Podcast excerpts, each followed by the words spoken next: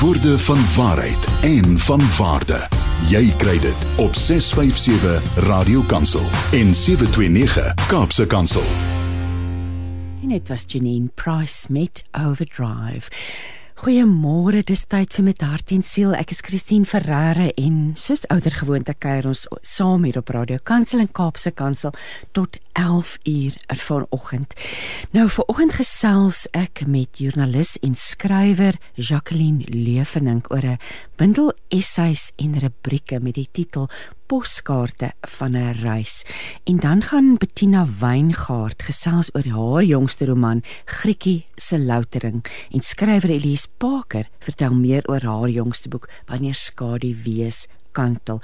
En dan sluit ons ons program af met 'n stilte tyd meditasie deur Melanie Vosloo. So bly gerus ingeskakel vir sielskos en inspirasie. Jy's natuurlik welkom om saam te gesels. Jy kan vir ons 'n WhatsApp boodskap stuur na 082 657 27 29. Ons hoor graag van jou. Ek wil begin om vir ons te lees uit Matteus 7 van vers 24. Ek lees vir ons uit die boodskap en dit sê: "Bou julle lewens op my woorde." En dit dit, dit daar staan geskryf as volg: Ek het julle nou baie dinge oor God geleer. As julle my woorde ter harte neem en dit doen, tree julle reg op. Dan is julle lewens op 'n stewige fondament gebou. Wanneer die reëns en storms oor julle losbreek, sal julle lewenshuis nooit in mekaar stort nie, want julle lewens is gebou op die rots wat nooit kan pad gee nie en dit is Matteus 7 vers 24 en 25. Dit het vir my so gepas gevoel na al die storms en die springgetye wat daar in die Kaap beleef is en net ons daar weer om ons weer daaraan te herinner. Ons bou ons huis op die rots. Maar nou het ons vir Jacqueline op die lyn. Goeiemôre Jacqueline. Hallo Christine. Hoe lyk dit in Kleinmond? Was jy het jy ook deurgeloop onder daai springgety? Jong, uh, ons is mos nou maar al redelik ons verbeel ons ons is bestand teen die noordwes hier. So in die winter klou jy maar in jou huis se dak. Dit kan by kan jy by, uh, ja, maar ek weet nie by ons regtige oorstroming gelukkig nie. Dit is ons is minder geraak as van die van die ander plek en die see wat wil. Ja. Ja, nee nee, ons het nie skade gehad waarvan ek bewus is.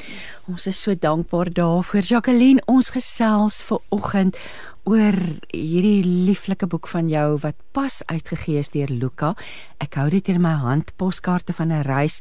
Op die omslag is daar so 'n skildery van 'n vrou wat haar hoed vashou en uitkyk oor die see. Um, mens kry onmiddellik die gevoel van van iemand wat besig is om te reis. Maar vertel vir ons so 'n bietjie meer oor die formaat van die boek uh, en hoe jy dit saamgestel het. Dit bevat onder meer essays, rubrieke, um uittreksels uit onderhoude. So vertel vir ons so 'n bietjie meer. Ja, dit is eintlik maar so 'n terugkyk oor 'n klompie jare in my lewe. Uh, uh, uh, ek het van die goed wat ek oor die jare geskryf het, saamgestel en bietjie bygewerk en uh, um, ag, goed wat ek jare gelede beleef het, het ek weer van uitkrap. En ja, dit is maar so 'n samevoeging van klompie goedjies wat na in my hart lê en ek hoop ook ander mense sal raak. En daar's natuurlik 'n hele paar van jou rubrieke, jou gereelde ehm um, uh, um, uh, hart tot hart rubriek in die leeftydskrif wat ook hierin vervat is. So ek moet sê dit as 'n mens hierdie boek vat kan jy vir jy kan vir jou weke lank, maande lank met hom besig hou want mens kan 'n stukkie lees en dan is daar soveel wysheid vervat en jou geloof loop soos 'n goue draad reg deur hierdie boek en dit is so inspirerend en bemoedigend om te lees. Maar ek wil nou by jou voor oor die titel. Het jy die titel gekies? Het dit van jou uitgewer af gekom? Hoe voel jy oor die titel? Ehm um, ja, nee, dit, dit ek het nou baie vroeg en daarop self daarop afgekom. Dit is dit is maar eintlik omdat ek altyd voel as 'n mens oor iets skryf ehm um, of dit nou oor 'n mens is en of dit 'n gebeurtenis is, jou weergawe daarvan is mos eintlik maar baie beperk. Dit wat jy kan deurgee is maar eintlik soos een wat deur 'n hmm. sleutelgat loer. So dit is maar 'n poskaartjie kan mos nie alles sê van die reis nie. Maar jy dit is tog 'n poging om die essensie daarvan dan ja op op op te som. Dit is maar eintlik hoekom ek dit so genoem het en omdat dit dit is 'n reis deur my lewe. Dit is ja, maar eintlik waar ja. dit neerkom. Ek Event ek ons gaan nou net daaroor gesels want jy skryf onder meer ook oor jou baie interessante familie. Ehm um, ag daar interessante mense, jou vriendinne. Maar kom ons gesels 'n bietjie oor jou liefde vir skryf. Ehm um, jy het nie gedink jy gaan 'n joernalis wees toe jy jonk was nou was dit iets wat jy oorgedroom het? Nee, hoe genaamd nie want ek het van die Weskus uh afgekom uh, op van 'n klein dorpie af en ehm um, ek het geen joernaliste geken nie. Dit was dit was nie iets waaroor ek ooit gedroom het nie. Ek dink dit dit is bloot terug te voer na die feit dat ek regtig van kleins af versot was op stories en lees. En verder die hele pad wat ek geloop het, het ek by die pers begin werk het, eers by die burger en toe by die Sari en toe al die aan 'n vryskutwerk begin doen het vir tydskrifte.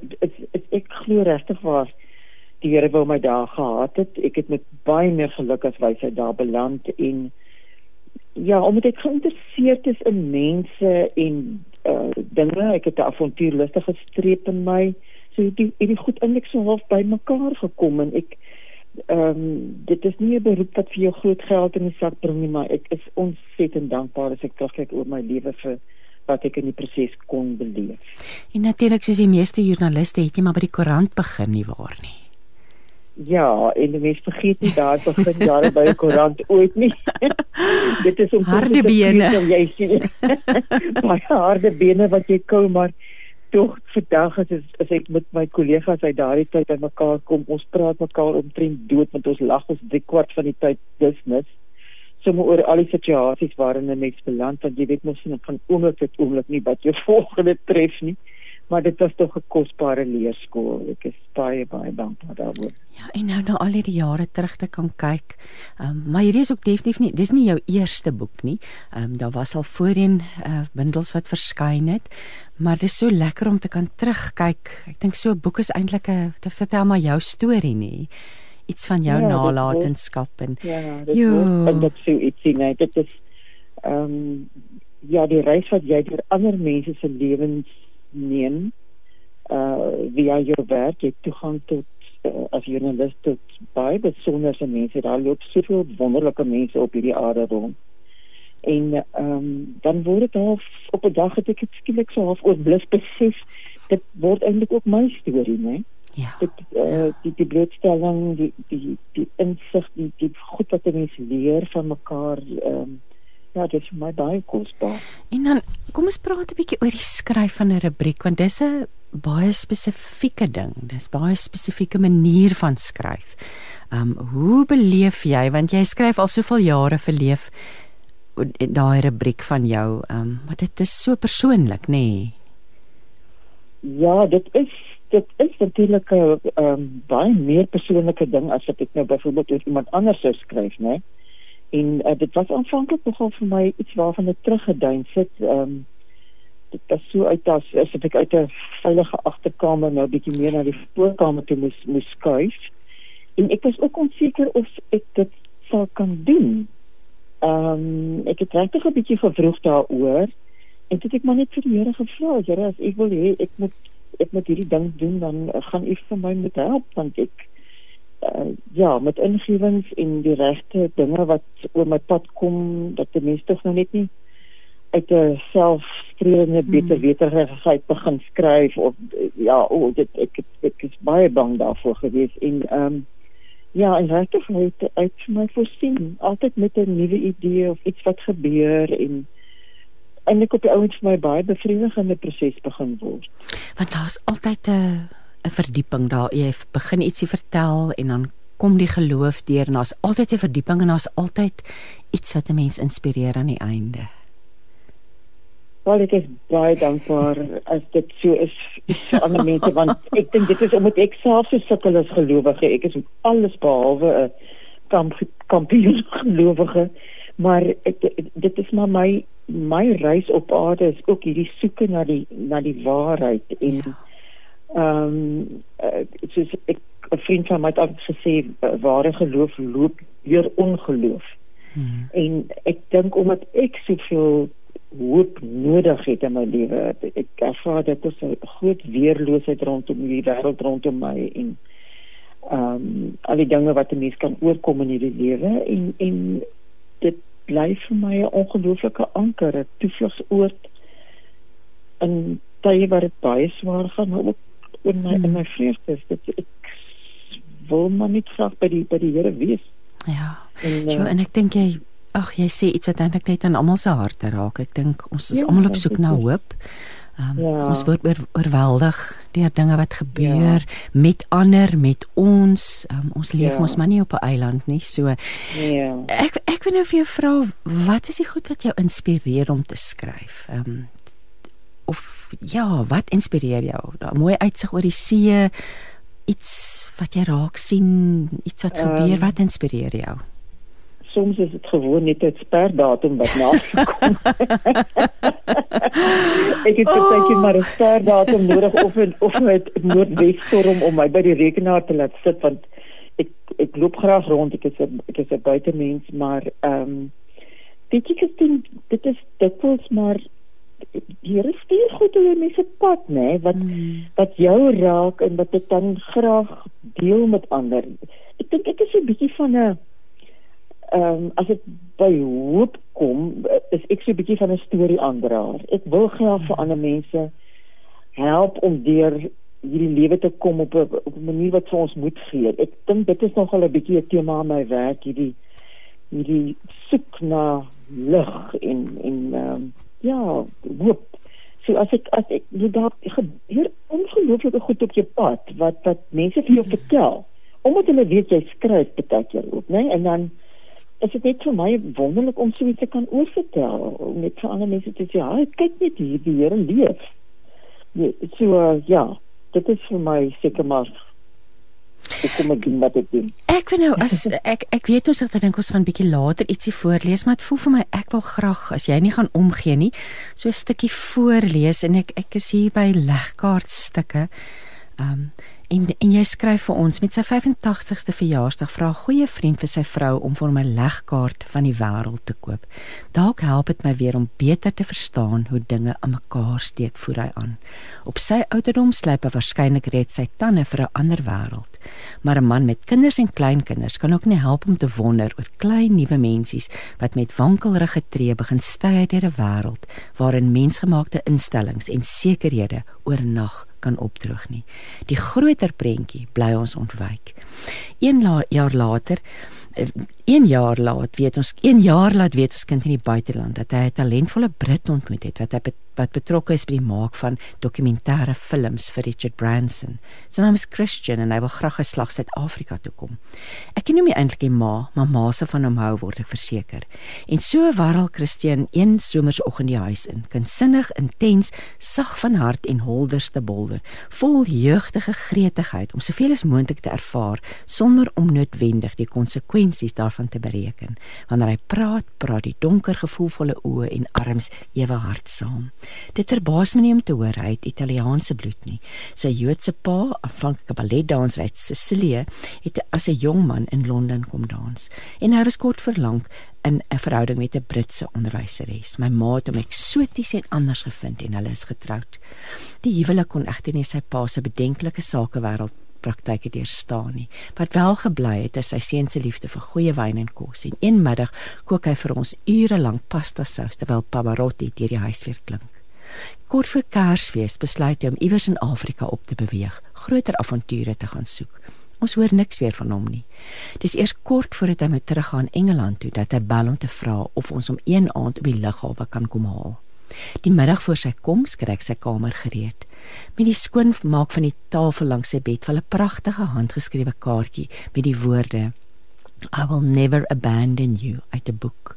Ek staan nou oomblik besluiteloos daarmee in my hand voor ek dit net daar langs die leeslamp los. Terug by ons huis is Christian in 'n geselsrige by, opgewonde oor wat hy alles beleef het. Hy eet met oorgawe van die kos wat ek hom vergeber het en dit raak 'n laatnagkuier. Iewers kom sy ouers se egskeiding ter sprake. Die manier waarop sy hele rankerige lyf nou beweeg, sê byna meer as sy woorde. My ma het in 'n donker depressie verval en ek moes as 12-jarige na my jonger sussie probeer omsien. Dit was erg en hy bly rukkie lank stil en sê toe half verleë: I felt so abandoned. Ek sluk en ek sê, "Gaan kyk wat lê voor jou bed in die in die kamer, Christian." 3 maande later sien ons hom weer by die uitgang van 'n moltreinstasie tussen duisende ander mense in Londen. Die vreugde is wedersyds. En terwyl ons wag vir die kos wat hy vir ons in sy gunsteling restaurant bestel, sê hy: "Onthou jy nog ons gesprek daardie aand? Ek hou die kaartjie op 'n spesiale plek." En vir 'n oomblik sien ek hoe pas die stukkies van God se legkaart presies in mekaar. Sjoe, Jacqueline, jy raak aan 'n mens se hart met hierdie skryfwerk van jou. Jo.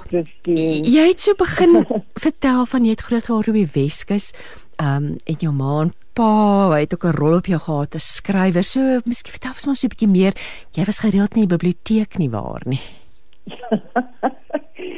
my uh, beste maatjie uit daai tyd het ek later 'n professor in in uh, um letterkunde geword uh, Louise Viljoen en um, ons het elke middag twee ure daar by die biblioteek se deure oop gaan oh, was ons lekker. daar en daar was 'n sus ehm um, wat haar naam aan die bewind daar ek dink dat ons eintlik bietjie gehad want daar was altyd sulke borde met groot stilte op maar ons het ja nee, ons het vreeslik baie gelees en dan al hierdie goed wat ons gelees het of die enkele fliek wat ons op daai dorpie gesien het dan ons het opgevoer self en gespeel. So ons het ek ek meen ons het nie ander afleiding gehad vir so so in, in vandag se wêreld nie. Ek dink ons het regtig uh, um, ons is baie bevoorreg dat mense se verbeeldingswêreld op jou eie kon ontwikkel in 'n baie beskitte um, veilige omgewing kon ons verken Ja, dit was dit was 'n voorreg om op so 'n klein plekkie groot te word. Ek het vandag terugdink. Ehm um, ja, ag my ma het vir ons baie voorgeles en dan het ons ou ou Nana by ons gehad, my ou bruin ma wat 3 maande na my geboorte by ons begin werk het en uh, haar verbeeldingswêreld en haar stories wat sy vir ons vertel het was net iets fantasties. Ek kon nie self lees nie maar ja, dat dit haar stories sê is by geleentheid ook ehm um, die, die tronk toegesluit want sy het 'n drankprobleme gehad en as sy dan uit die tronk uitgekom het dan het ons aan haar lippe gehang want daai tronk het so na so interessante plek gekyk.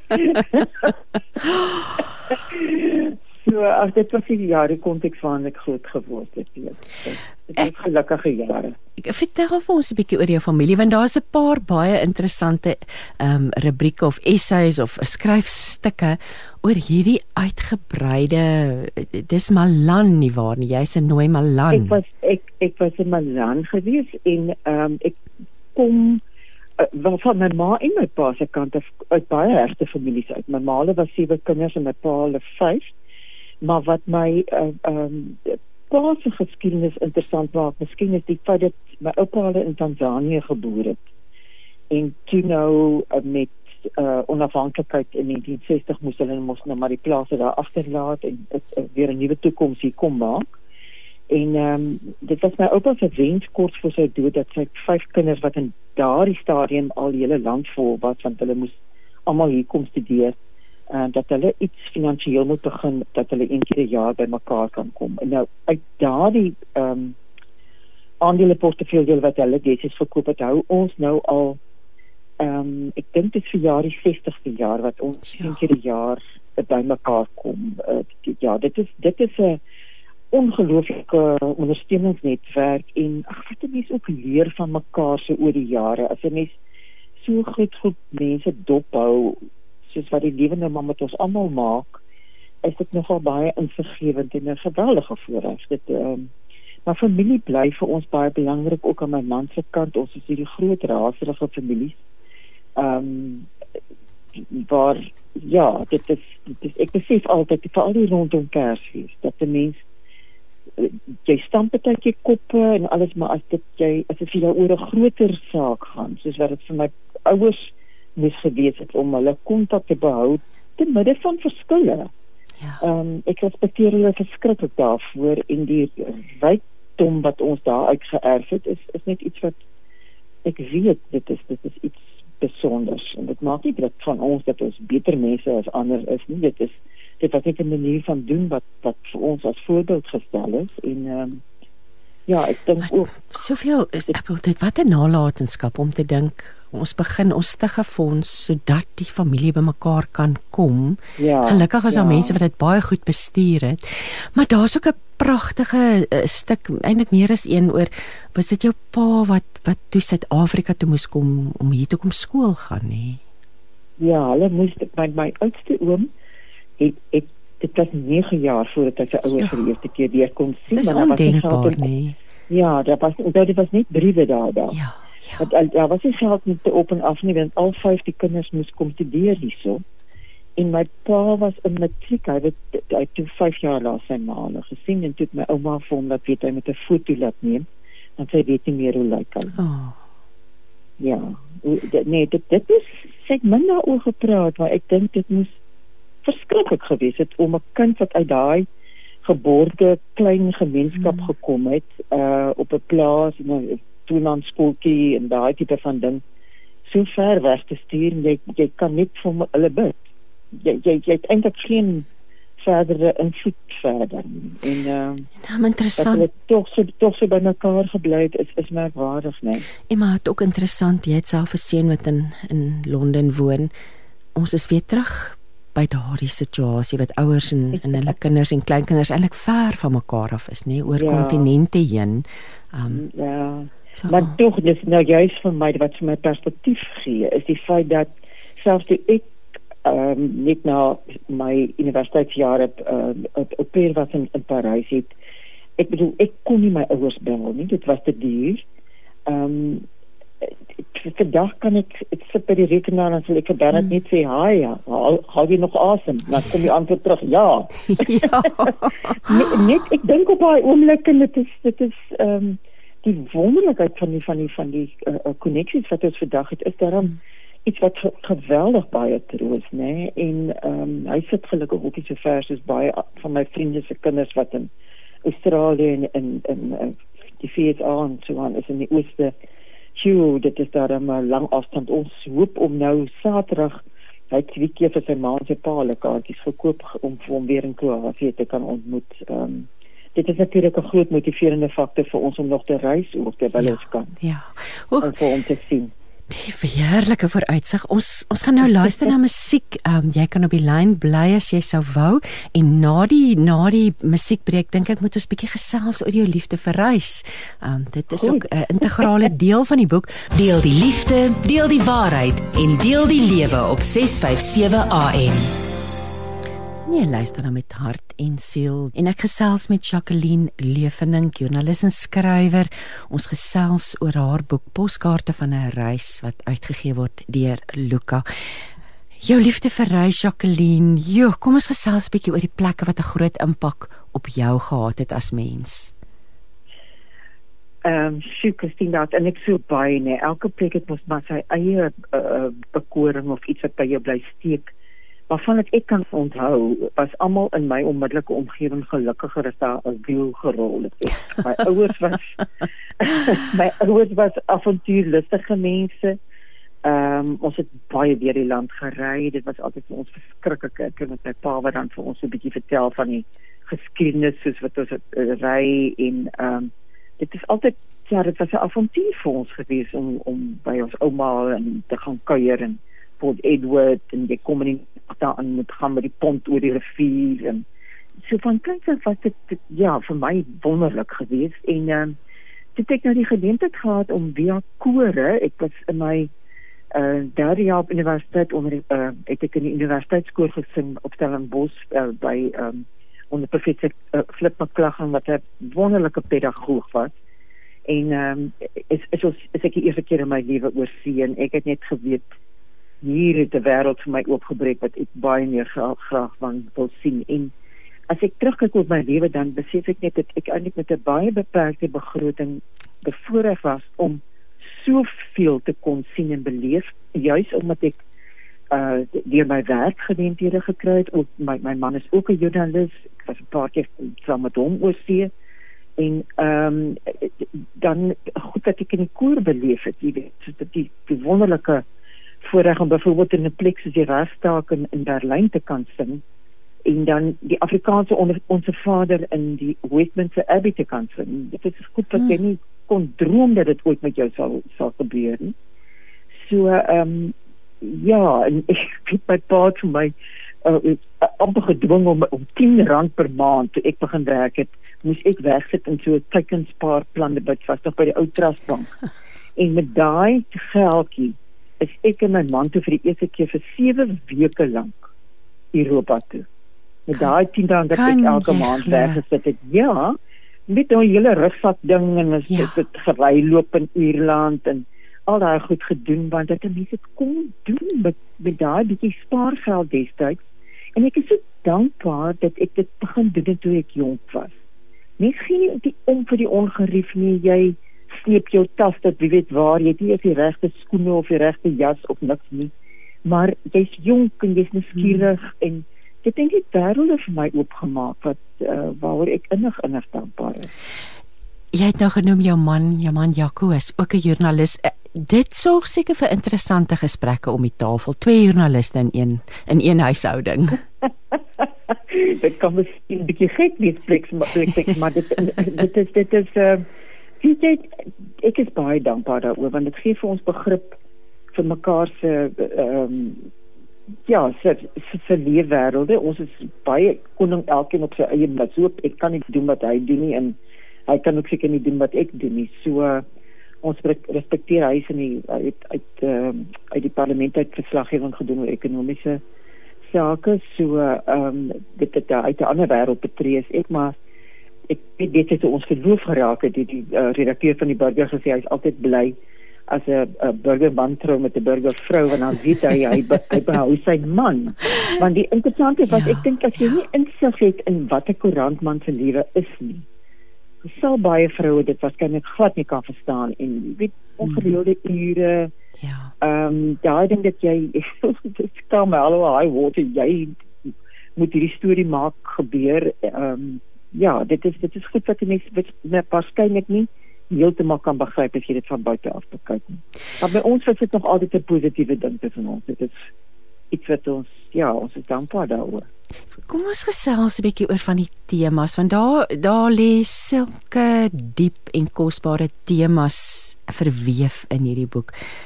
Ons het gepraat 'n bietjie oor hoop. Ons het geraak aan geloof. Sterk tema, sterk sterk sterk tema die geloof. Genade, liefde, vriendskap wat staan vir jou voorop as jy moet dink aan die temas van die boek? Maar jy het nou die laaste woord wat jy genoem het is vriendskap. Uh, ja. Vriendskap speel 'n geweldige belangrike rol in my lewe. My vriende kan my nie maklik afgeskit nie. ek glo aan hulle. Ek het letterlik soos ek net gepraat het van Louise, ons ken mekaar uit ons baba doeke uit en ons hou nog steeds kontak. Ehm um, ek het nog 'n hele paar vriendinne uit my kinders uh, ja, uit my skooljare. Ehm um, en dan net al jou fases waar jy gaan studente jare natuurlik die kore oor die jare het ek hmm.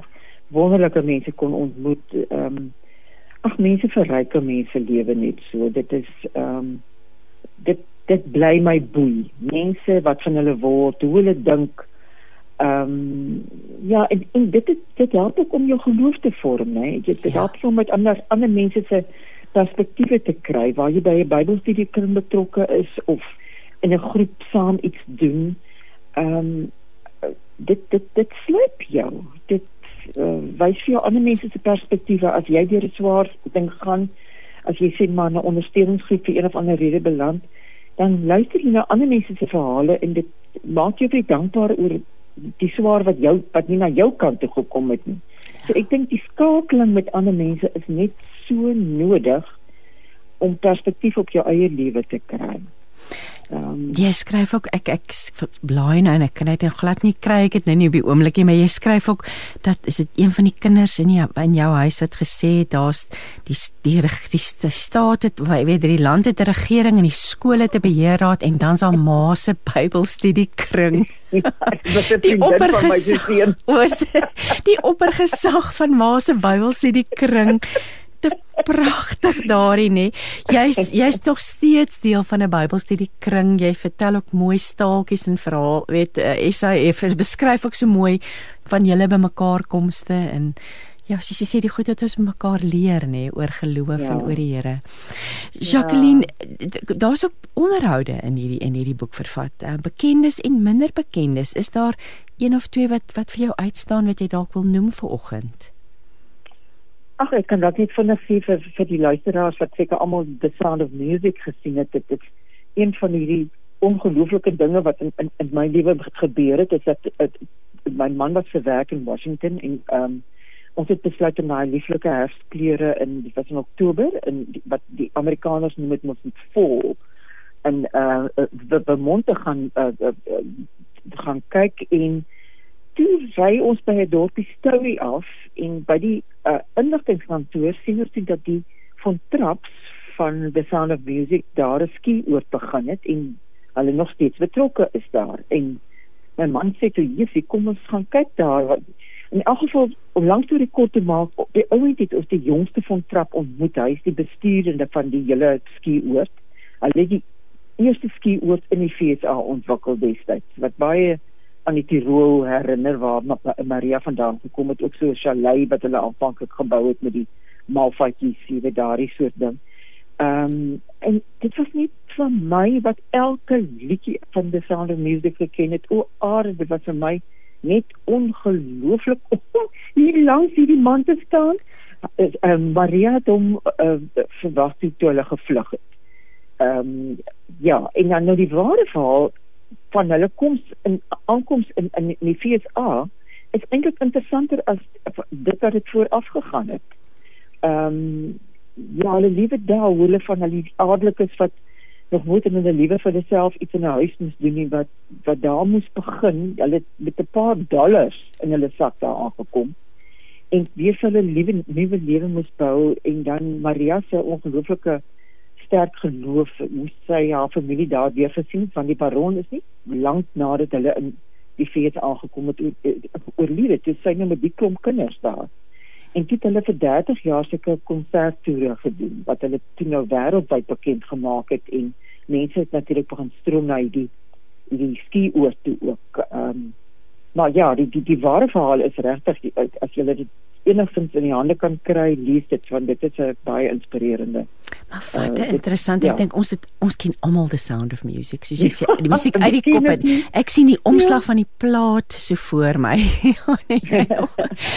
Jacqueline, jy ja. het ook onder meer een van die laaste onderhoude gevoer met die skilder Gregor Boonzaier. Vertel vir ons 'n bietjie meer daaroor. Weet jy, dit is iets wat ek oplet in my in my loopbaan. Kunstenaars in die algemeen word goed uit want hulle het iets wat hulle nog steeds elke dag wil doen. Ehm um, hy het byvoorbeeld vir my gesê hy is 83 hy hy ehm um, ek kan eintlik nie wag om soggens weer in sy ateljee te kom nie. Ek dink hulle probeer steeds om te verbeter nog iets ja, dit is dit hulle bly skepend en ehm um, Gregor was so 'n lieflike voorbeeld van iemand wat nederig was, wat sy ambag goed geken het, maar dit uh baie welwillend met ander mense sy kennis en alles gedeel het. En hy was trouens baie geïrriteerd met mense wat allerlei diepere betekenisse in sy werk al goed wou sien uit niks gehou van daai uh, pretensie wat mense soms in die kunswêreld kry nie. Ehm um, hy was net 'n baie interessante man wat met ehm um, groot deernis na die na die lewe gekyk het en dit was my groot voorreg om hom om hom daar te ontmoet. Hy bitter bitter swaar uh, uh op finansiëel swaar goed geword, maar hy het hom net hier niks laat onderkry nie. Um en hy het op sy land van jou toere gegaan wat bykbaar 'n weer 'n groot opvoedingsding was. Um uh, wat hy vir mense net meer oor goeie kuns ingelig het. So uh, ja, hy het 'n groot rol gespeel in ons kunswêreld. Is ek moet sê as 'n mens so blootgestel is aan so baie goed konstant soos jy nou as 'n skrywer dan is jou tuin of die buitelewe seker vir jou half 'n ontvlugting plek, 'n stilte plek, nê? Nee.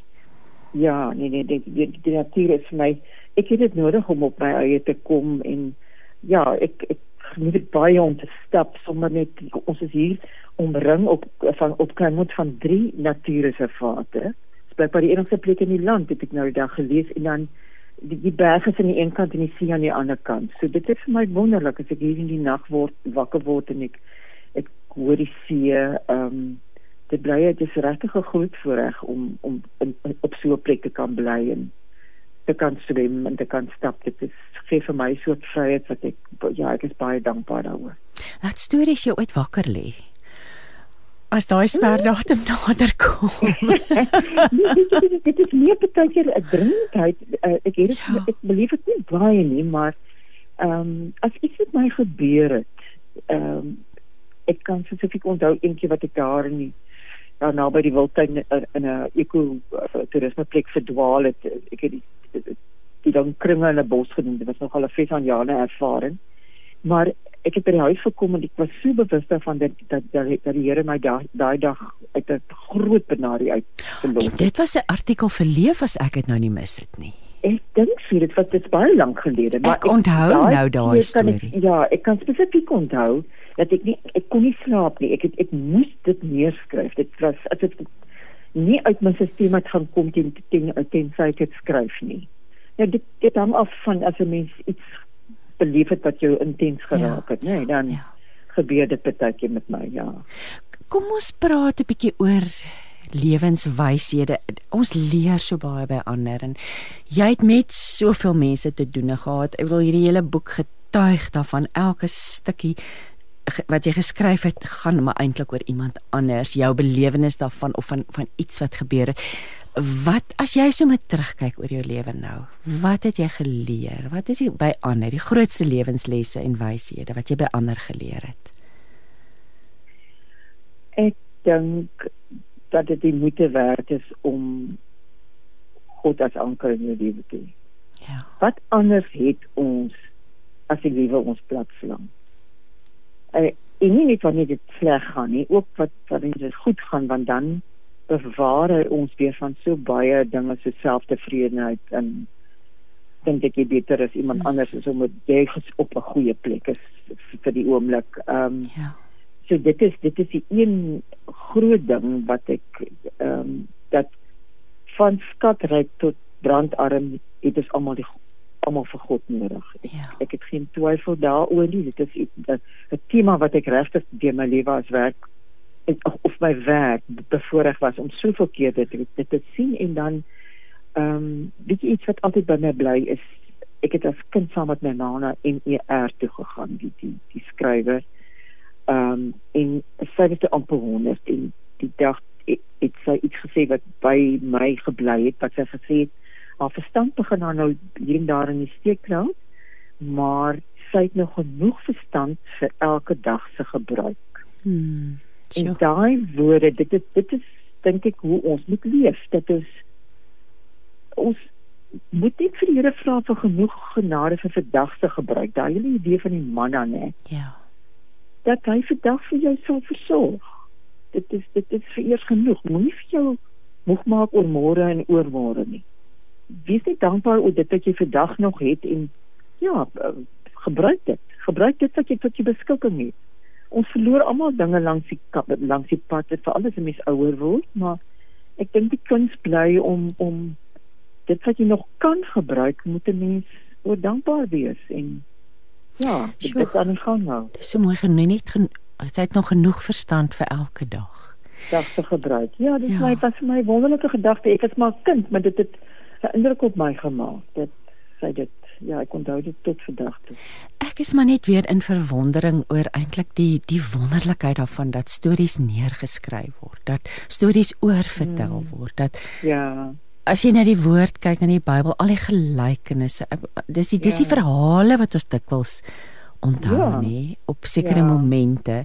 So dis hom net opsit ook 'n seën uit die Here se hand. Ek ek wil nou vir jou vra ja, jy het nou vir ons vertel van die lewe op klein. Ons sê die lewe het het net bietjie rustiger vir jou begin raak. Het, het jy 'n besluit geneem jy en Jaco dat julle lewe 'n bietjie rustiger gaan raak of is jy nog net so besig soos altyd? Nee, ek dink dit is definitief rustiger. Ehm um, jy hoef nie so ons vroeg uit te jaag op iets uh, daarvan nie, maar ons ons bly betrokke en en maar dit nou eie pas. Hier sê so 'n uh, uh, um, verstandhouding op Kleinmond as jy nou nie 'n rit by sê maar die kerk ook kan opdaag nie of uh, enige vereniging waaraan jy behoort almal aanvaar dit is mense wat in, in meestal in 'n ander fase van hulle lewe is en wat dikwels weggaan, baie mense reis, uh, gaan besoek hulle kinders en kleinkinders. So dit is dit, ons het definitief vir 'n vryer bestaan hmm. as voorheen wat, wat wat ons uh, algemene verpligtinge ehm um, dit is ons is gelukkig dat ons nog vryskip werk kan doen maar mens wil dit nie onder daai uh, uh, druk en die spanning doen wat jy waar waar jy voorheen voorheen blootgestel was nie. Dit is so maar, vir um, elke ding. So ek, ja, nee, absoluut en en ehm um, ja, jy doen wat jy kan met die hoeveel hoeveel dit energie wat jy tot jou tot jou beskikking het, jy weet. Dit is dit is 'n wonderlike is eintlik 'n wonderlike fase van 'n mens se lewe as jy as jy net gesond is, né? Ja. Ehm ja. um, dit is maar waaroor alles nou begin gaan en ehm um, Ja, nee, ek is ek is omdat ons gelukkig nie mos afgetree het nie. Daar was nie so iets by ons nie. Ja. Dit is 'n vryskipwerk wat net geleidelik miskien minder geword het. Daar's soveel tydskrifte wat onder druk is, so uiteraard het mense werk en party opsit 'n bietjie minder geword en maar ons ons is besig genoeg en dit is vir my net wonderlik om op hierdie ouderdom nog te kan kan werk. So, baie graag daarmee wil aanhou tot ek nie meer kan nie. Wel ek hoop van harte ook so dat jy vir altyd en altyd sal kan aanhou skryf vir leef mm -hmm. solank as dit die Here jou vir ons spaar. Wil jy nie vir ons afsluit? Ons het daaroor gesels dat jy dalk 'n stukkie sal voorlees. Ek het nou 'n stukkie gelees, maar ons sal graag wil luister na ietsie wat jy vir ons voorlees voorlees so ter afsluiting van ons gesprek. Enige tyd. Ehm um, goed, die Zimbabwese kelnerin met die groot sagte oë wat besorg oor my waar ek met my hande om 'n koppie chai wat hy gekens het en vra: "Why are you crying, Scotty?" Dis in 'n week dat die hele Kaapse skiereiland brand. Op eie werf is daar ook vure om dood te slaan. Gebeure wat die asem uit my uit wil druk. Die naskokke van 'n pas afgelope hospitaalbesoek aan 'n familielid trill nog deur my lyf. En nou is daar hierdie boodskap op my foon. Klierkanker is gediagnoseer by 'n jarelange kosbare vriendin. Altyd so 'n voorbeeld van gesond leef en dink. Kan dit nie asseblief maar net 'n nare vet gesmeurde smeerde leuen wees nie? Toe ek kort daarna iewers op Stellenbosch te lou sif die as uit die vlammende Jonkershoek berge op my kar.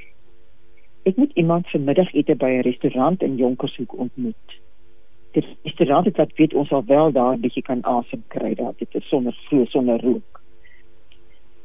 Uh toe ons 'n rukkie later op die breë stoepe uh, sit is dit in vars skoon berglug in die oog van die storm. 'n Eind hoër op in die berge vreet gulsige vlamme als wat voorkom op. Maar hier onder in die vallei teenoor ons gaan die water sy blink gladde beeldskone gang. Mense sit in kuier vir 'n wyle ongekweld deur dit wat dreig om dinge rondom ons te vernietig. Terwyl ons gesels, vang iets skielik my oog. Asof van nêrens is 'n helikopter aanvang ek net 'n blink vliegie teen die hemelsblou in aantog. 'n Paar minute later hang hy soos 'n ongedurige raserige tor oor die dam voor hy uit die hoogte afsak om 'n mandjie vol water te skep. Mense los se muurle kos staan op Vroeger die week het die brande 'n helikopter vlieënier se lewe geëis. Ons kyk geboei hoe hierdie een dapper teen die styl vuurige hange van die berg uitklim om sy emmertjie leeg te maak. Die kolletjie wat hy blus, bly stoomend agter. Hoe op die aarde kan die Harmans druppeltjies 'n verskil maak? Maar hy kom weer en weer, onverpoos, geduldig. Sommige mense begin vir die loodshande klap kennis van die houswerk wat gaan kom sypel stadig deur my wete. Sommige vure word nie deur een raakvat reënbui uitgesorteer nie. Sommige vure vra klein emmertjies genade. Een vir een gehaal uit 'n diep onpeilbare kuil wat nooit opdroog nie. Jo. Pragtig Jacqueline. Jo, wat 'n wonderlike beeld. Klein emmertjies genade is partykeer al wat nodig is nê. Ag ja, Jacqueline, jy die manna. absoluut, absoluut en so gepas as jy nou 'n WhatsApp boodskapie van Juanita wat vra ag bid asseblief vir ons dit gaan swaar. Ons bid vir brood en melk en kos vir die week. Ehm um, mm. ja, so daai emmertjies genade. En dis net ek genade wat ons kan aangee vir ander, nê. Mm. Mm. Jacqueline, ek wens vir jou alles seën toe met hierdie boek Um lieflike boek, is 'n regtig 'n lekker boek om langs mense um, weet langs jou bed te hê om elke dag 'n stukkie te lees en herinner te word aan die Here se genade en sy grootheid en hoop en en te weet daar's maar baie mense wat swaar kry. Ons kry almal maar op 'n of ander stadium swaar, mm. nê, nee, en dat dat ons mekaar kan leer en dankie dat jy vir ons neergepen het. Geniet die reis na Kroasie. Baie um, baie dankie. Uit... En dankie vir jou liefde en bemoediging en ook die geleentheid om vir jou boek te skryf. Dit bly oh, vir my 'n voorreg. Dis mooi dag vir julle almal. Selfde seën vir jou Jacqueline. Baie mense regoor Suid-Afrika word geseën en bemoedig deur Radiokansel se dagstukkie tydskrif, Die Woord vir vandag.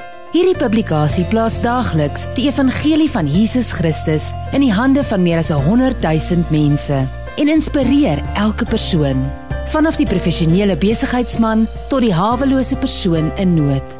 Elke uitgawe bevat daaglikse skrifgedeeltes en bemoedigende artikels wat jou sal help om geestelik te groei.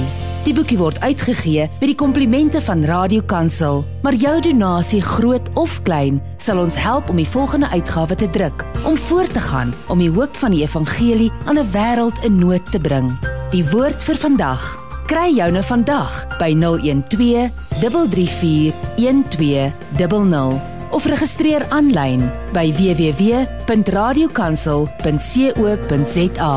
Radio Kansel, jou daaglikse reisgenoot. Jy luister na met hart en siel en ons gesels vandag oor skrywers en boeke. Ek hou 'n boek in my hand vas, Grietjie se loutering met 'n subtitel wat sê gelukkig is die wat suiwer van hart is want hulle sal God sien. En dan agterop staan daar Grietjie kniel langs haar bed met die gestreepte grys deken. Net so op haar knieë lees sy die Bybel en dan bid sy: Ag Here, dra my deur hierdie dag. Help my. Sit 'n wag voor my mond en maak elke woord uit my mond sag en soet. En nou het ek die voorreg om met die skrywer van hierdie boek Bettina Weingart te gesels. Goeiemôre Bettina. Goeiemôre, dit is so lekker om met julle te kuier vandag, hoor. Ag, absoluut. Wat 'n voorreg om met jou te kan gesels, Bettina. Ehm um, jy word beskryf as 'n Oeverbergse skrywer, 'n dromer, aktivis, 'n regsgeleerde. Vertel vir ons 'n bietjie iets van jouself. Um, jy het al verskeie pryse gewen met jou skryfwerk, maar so ietsie van van die mens, Bettina, wat jy met ons wil deel vandag. Ja, wie, ehm um, ek geniet ek geniet skryf obviously en as ek nie te veel boeke al agter die blad het nie. Ehm um, ek hou van tuin maak, ek is mal oor diere en natuurlik. Ehm um, ek dink enige skrywer kan skryf sonder om te lees nie. Ek is gek oor lees, ek is gek oor boeke.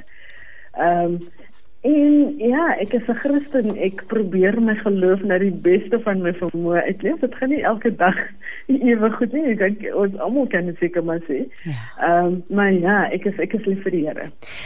Ek jou debuutroman Troos vir die gebrokenes word in 2010 met die Jan Rabie rapportprys vereer en dan het daar natuurlik verskeie ander boeke intussen uit jou pen verskyn.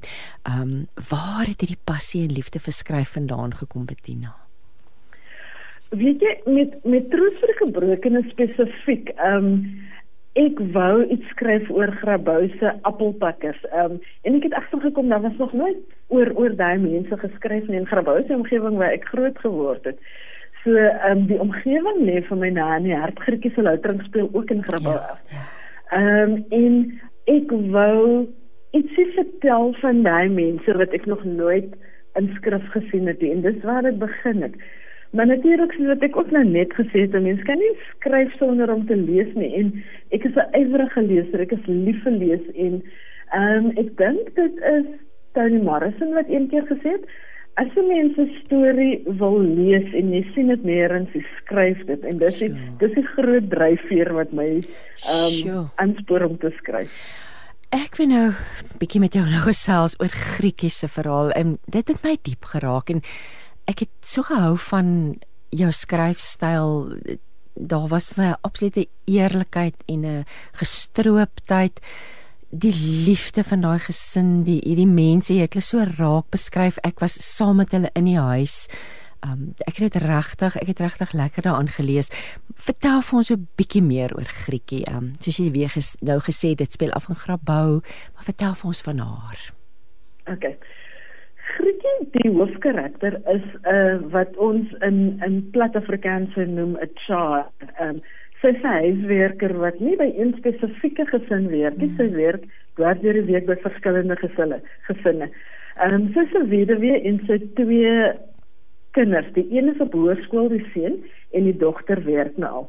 En wat die verhaal doen is om deur Grietjie se lewe te gaan. Dit is eintlik 'n baie stadige roman op 'n manier. Ehm um, tot daar waar dinge verkeerd begin loop. Ehm um, waar waar Grietjie se verhoudinge met haar werkgewers, haar verhouding met haar bure, haar verhouding met haar kinders en natuurlik veral haar verhouding met haar God bespreek word ja. of beskryf word. Ja. En natuurlik Grietjie verteenwoordig soveel vroue in ons land, nê, nee, ehm um, huiswerkers, vrou wat vrou alleen vir hulle gesinne moet sorg. Wat wou jy deur haar verhaal hieroor met die leser deel want dit dit, dit laat 'n mens net dit gee jou so 'n wonderlike blik op die lewe van van van hoe hoe hoe hard sy werk en maar wat wou jy sê deur haar verhaal oor hierdie oor hierdie vroue?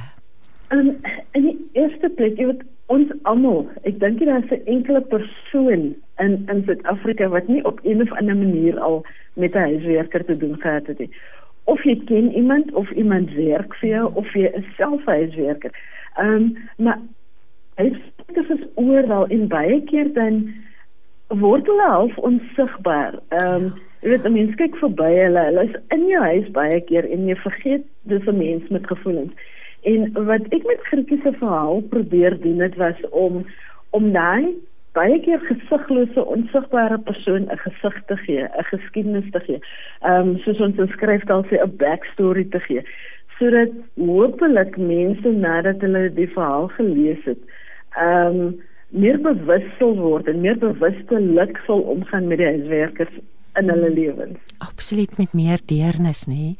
Met meer hart. Want dit is ook interessant want sy werk nou vir verskillende vroue of verskillende gesinne en die gesinne verskil ook van mekaar ehm um, wat ook net net 'n deel van die realiteit is.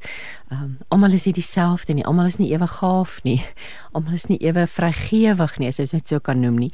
Maar vertel ons 'n bietjie meer oor die ander karakters want daar's 'n hele klomp baie interessante karakters in die boek verweef. Ehm um, okay, behalwe Grietjie is daar natuurlik on, in 'n onmiddellike omgewing is daar twee kinders, Lentjie en Heinie en dan na buurvrou Maggie. Nou Maggie was vir my groot pret om te skryf. Want Maggie is hierdie kleurvolle karakter wat ek plat op die aarde sout van die aarde net sê wat sy dink en nie omgee hoe mense dit ontvang nie maar maar die goedheid van self en lief vir haar mense. En so dis die mense in diese onmiddellike omgewing en dan is daar natuurlik die die persone vir wie sy werk. Ehm um, daar is Joan van Billion en Anastasia Du Plessis. Daar skryf sy McLachlan en natuurlik daai drietjies speel later in die verhaal vir verskillende redes 'n baie groot rol. Ehm um, en dan is daar ook Mrs. Nodee, die vrou wat demensie het en die die eendag van die week werk sy by 'n spreekkamer. Ehm um, so dis 'n dis 'n wye reeks verskillende karakters, verskillende omstandighede en mense met wie Grietjie in aanraking kom.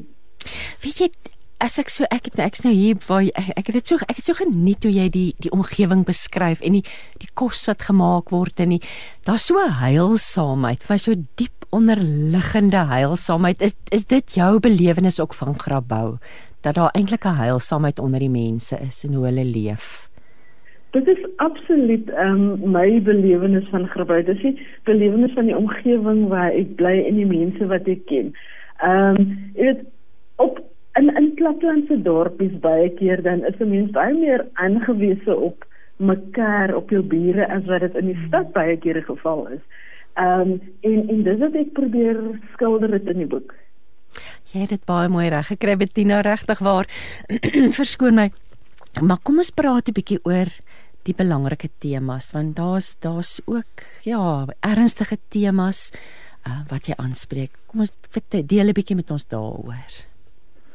OK. Ehm um, aan die een kant is daar die die tema van vriendskap tussen vroue en hoe vroue mekaar ondersteun. Ehm um, daar's 'n verhouding tussen ma's en kinders en dit is van groot temas, maar ja. dan is daar ook en dis die dis die uh, meer aktivistiese temas wil ek amper sê. Ehm um, daar's 'n tema van seksuele geweld. Daar is 'n tema van ehm um, veiligheid in die werksplek en natuurlik word nie baie ehm um, aktivisties aangespreek ek probeer om dit in 'n storie te vervat om om 'n verhaal te vertel van hoe weerloos mense vroue veral baie keer in hulle werksomstandighede is en huiswerkers spesifiek waar hulle in iemand anders se huis gaan. Ehm um, hulle is omring van ander werkers wat hulle kan beskerm nie. So hulle is baie keer blootgestel aan gevare wat ander vroue in ander werksplekke nie noodwendig aan blootgestel is nie. Ehm um, maar daar's daar's 'n sterk tema van ehm um, geweld teen vroue, seksuele geweld spesifiek sonder om ooit grafies te wees. Uh, ek ja, ek, ek wou nou net versigtig om nie enigiets grafies uit te beeld nie ja, want ek besef ja. dat dit vir baie mense ontstellend kan wees. Ehm um, so ek ek beeld dit uit op 'n manier dat mense begryp wat aan die gang is. Ehm um, maar dat hulle dit met deernis kan lees en dat hulle sonder om getrigger te word kan lees. Ek wou eintlik nou net vir jou gesê dit dit is 'n kuns om oor hierdie onderwerp te skryf sonder dat soos jy dit is die wat se Engels woord and it's not in your face. Dit is so ja. subtiel oorgedra. Dit is so goed geskryf. Jy weet presies wat aangaan. So dit is dis nie 'n boek wat 'n mens ontstel en dink nou moet ek dit neersit want dis dis te erg nie. Jy wil verder lees, jy wil hoor wat gaan gebeur. Maar dit jy het dit regtig reg gekry om dit op 'n baie baie mooi manier aan te bied as mens die woord kan gebruik maar natuurlik geweld teenoor vroue is so so 'n probleem in ons samelewing nê nee. dit is absoluut um, in in alle vlakke van die samelewing um, en ek probeer dit ook uitbeeld in in in die verhaal dat dit nie net die werkers is wat blootgestel is nie, maar ook die werkgewers baie keer word ja. blootgestel aan geweld. Die ja. vroulike werkgewers. Want jy beskryf ook want nie almal het 'n ewe rooskleurige lewe ehm uh, die vrouens vir wie sy werk nie. So dit dit dit is my soker sterk raakpunte met met die realiteit nê. En en dan natuurlik ehm um, ja, die kinders en hulle toekoms en en en dit ons haai nie en en en geleenthede en die hulle drome dit word ook in die storie verweef. Ja, en weer eens dit is 'n universele tema dink ek, ehm um, want ongeag van watter vlak van samelewing is, elke ma het hoop en drome vir haar kinders. Ja, ja. Elke gesin hoop dat die volgende geslag beter daarin toe gaan wees as wat hulle is. Ehm um, en en dis dis een van die baie sterk temas wat deurkom in die boek dat ehm um, ons probeer vir ons kinders die beste gee. Ja. Kom ons praat 'n bietjie oor die geloofsaspekte want dit kom dit het uit die aard van die saak die boek word ook uitgegee deur Lukas so dit is uit die Christelike been van Laat Lapa uitgewers. Ehm um, so dit is uit die aard van die saak daar is 'n Christelike ondertoon maar daar's sekere boodskappe wat jy sterk inskryf. Vertel vir ons 'n bietjie meer. Wel, die die een, wel, die, die verskillende temas is so vervleg dat ek nie weet of ons een kan uitsonder oor die ander nie. Maar daar is definitief 'n sterk tema van naaste liefde. Ehm um, ietsie van draai die ander wang en dan is daar die die groot tema wat deur die boek loop is die tema van vergifnis. Ja. Ehm um, hoe 'n mens in interaksie met ander mense um as jy seer gemaak word of as dinge nie verloop soos wat mense dit wil hê nie. Um hoe jy, jy deel dan met vergif in terme van vergifnis. Um maar naaste liefde, die manier hoe dat die vroue mekaar bystaan, dis ook 'n ander baie groot tema. En vergifnis is moeilik en daar's Griekie eintlik dink ek vir ons 'n 'n 'n rolmodel, weet dit, die manier hoe sy alles hanteer. Um, maar dit is nie maklik nie, nê, die pad van vergifnis. Is eintlik belangrik ook om daaroor te lees, al is dit in 'n konteks van 'n roman. Ek dink dit help elke elke storie. Ons ek het nou net met Jacqueline Levening gesels. Elke storie vorm en dra maak 'n bydrae tot ons eie persoonlike lewe nê. Ek ek wil nou vir jou vra vrou, wat is wat is die goed wat jou as vrou en as aktivis ons nou begin gesels oor oor die donker goed uh, geweld teen 'n vrou, maar wat wat lê jou nog na in die hart as as 'n vrou as aktivis binne jou omgewing? Waarvoor wat, waarvoor staan jy? Wat is jy? Waarvoor is jy 'n kampvegter? Ehm um, definitief vir geslagsgelykheid. Ehm um, jy weet ons in ons samelewing word ons baie keer hoor ons die boodskap dat ehm um, vroue is minder as mans van die kant af baie keer. Ehm um, en vroue moet ondergeskik wees aan mans en dis miskien 'n heel ander gesprek maar jy weet daar is 'n plek vir 'n vrou veral in die werksmag. Ehm um, dat vroue het so 'n belangrike bydrae om te lewer binne die kerk, buite die kerk in in werkskonteks spesifiek in geloofskonteks. Ehm um, ek het ek het 'n regtig en dis miskien 'n lang antwoord. Ehm um, deelgeneem aan 'n studie waar ons gekyk het na hoekom vroue die grootste deel van 'n gemeente is, maar bitter klein deel van die leierskap in die kerk. Ehm um, en jy daai tipe van goed ehm um, is vir my interessant en en probeer ek uitklus en probeer ek inweer sodat veral binne die kerkkonteks ehm um, vroue meer leierskapsrolle moet kry. Want dit maak 'n groot verskil in in hoe die gemeente ehm um, aanbid as daar meer vroue is. En wat is, wat in in leierskapsposisies. Ja, maar is vrouens nie maar tog nog in of hulle is hulle in elk geval stil leiers nê. Hulle is agter die skerms tree hulle eintlik op as leiers in 'n gemeenskap. Absoluut, absoluut. Ehm um, maar jy weet dit ek het ons ons het in my gemeente, my tuisgemeente op die oomblike ondervinding dat ons 'n vroulike predikant het en die manier hoe dat en en ek het glad nie besig om kritiek teen mans te lewer nie. Maar vroue het net 'n sagter aanslag met hulle goed hanteer. Dit is wonderlik. Ehm um, en dit verander die hele dinamika in die gemeente.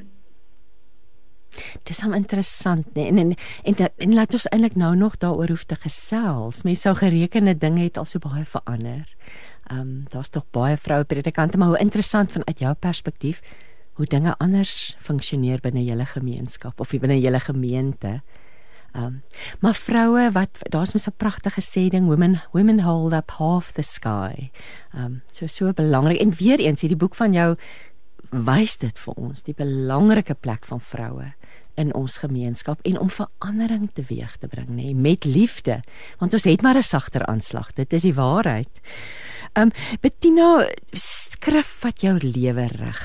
Is daar iets spesifieks wat vir jou lief is 'n stuk skrif wat jy wat vir jou na in die hart lê?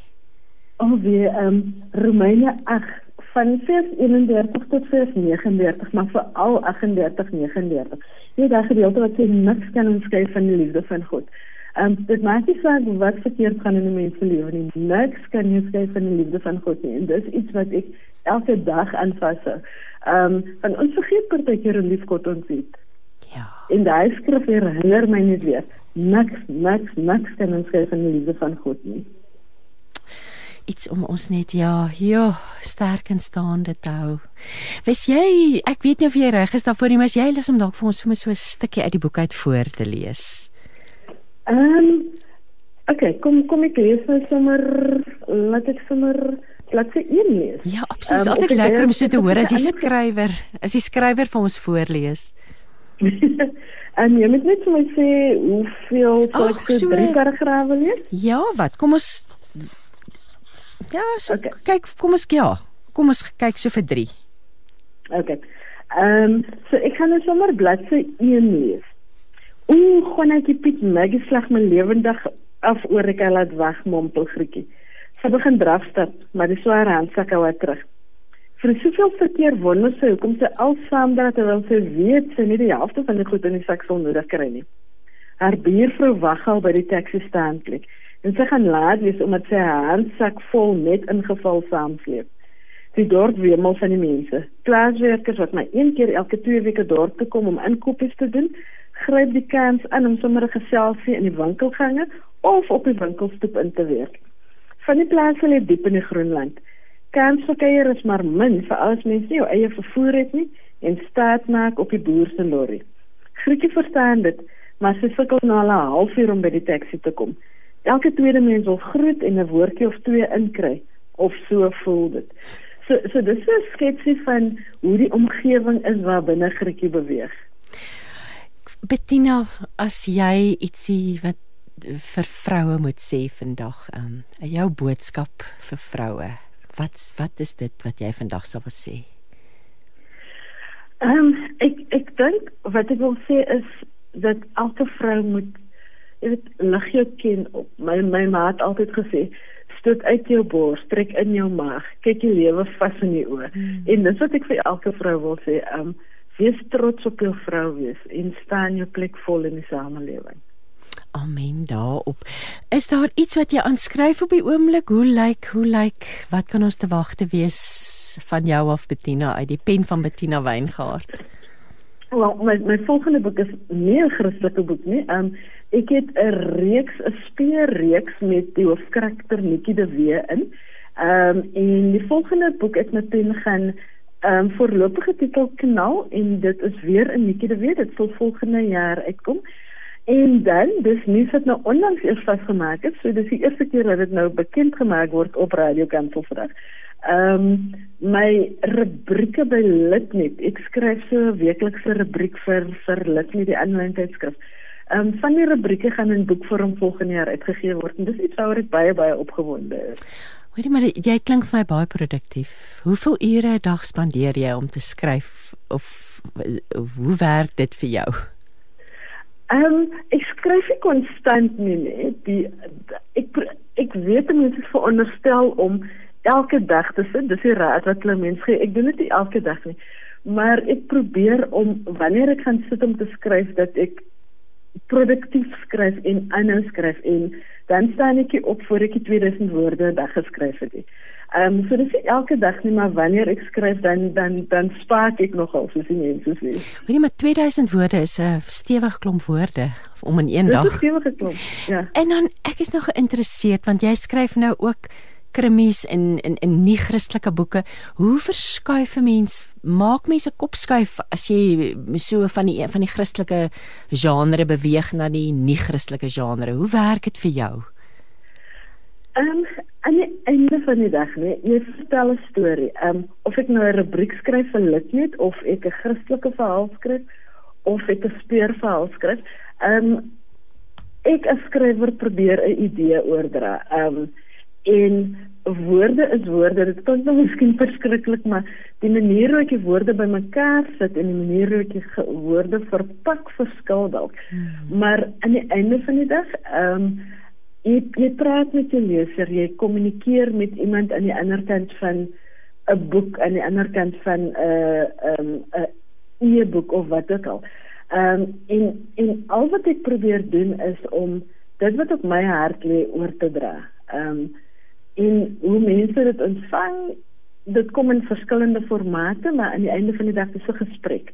Dis 'n gesprek wat ek met die leser het Jo, dit en jy praat, jy gesels heerlik met ons, met met ons met ons die lesers. Ehm um, Bettina, ek wil vir jou regtig alles wat mooi is toewens. Ek wil net die titel van die boek herhaal.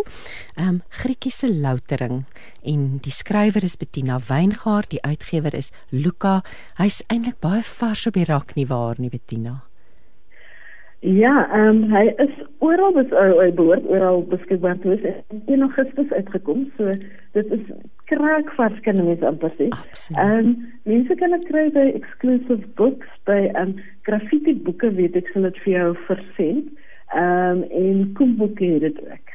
So daar's ja, baie baie plek, verskeie plekke en natuurlik as jy meer wil weet, kan jy altyd na die Lapa webwerf toe gaan en daar gaan jy ook meer kan uitvind oor Grietjie se loutering. Bettina, mag die dag geseënd wees. Mag jou jou ja, jou penne vrug geseënd wees en ja, nogmaals dankie vir jou tyd vanoggend. Dit was regtig lekker om met jou te kon gesels. En baie dankie vir jou ook fantastiese geseënde dag vir jou. Dankie Bettina. En kom ons luister na musiek. Ons gaan nou luister na We See wat gaan sing I will sing.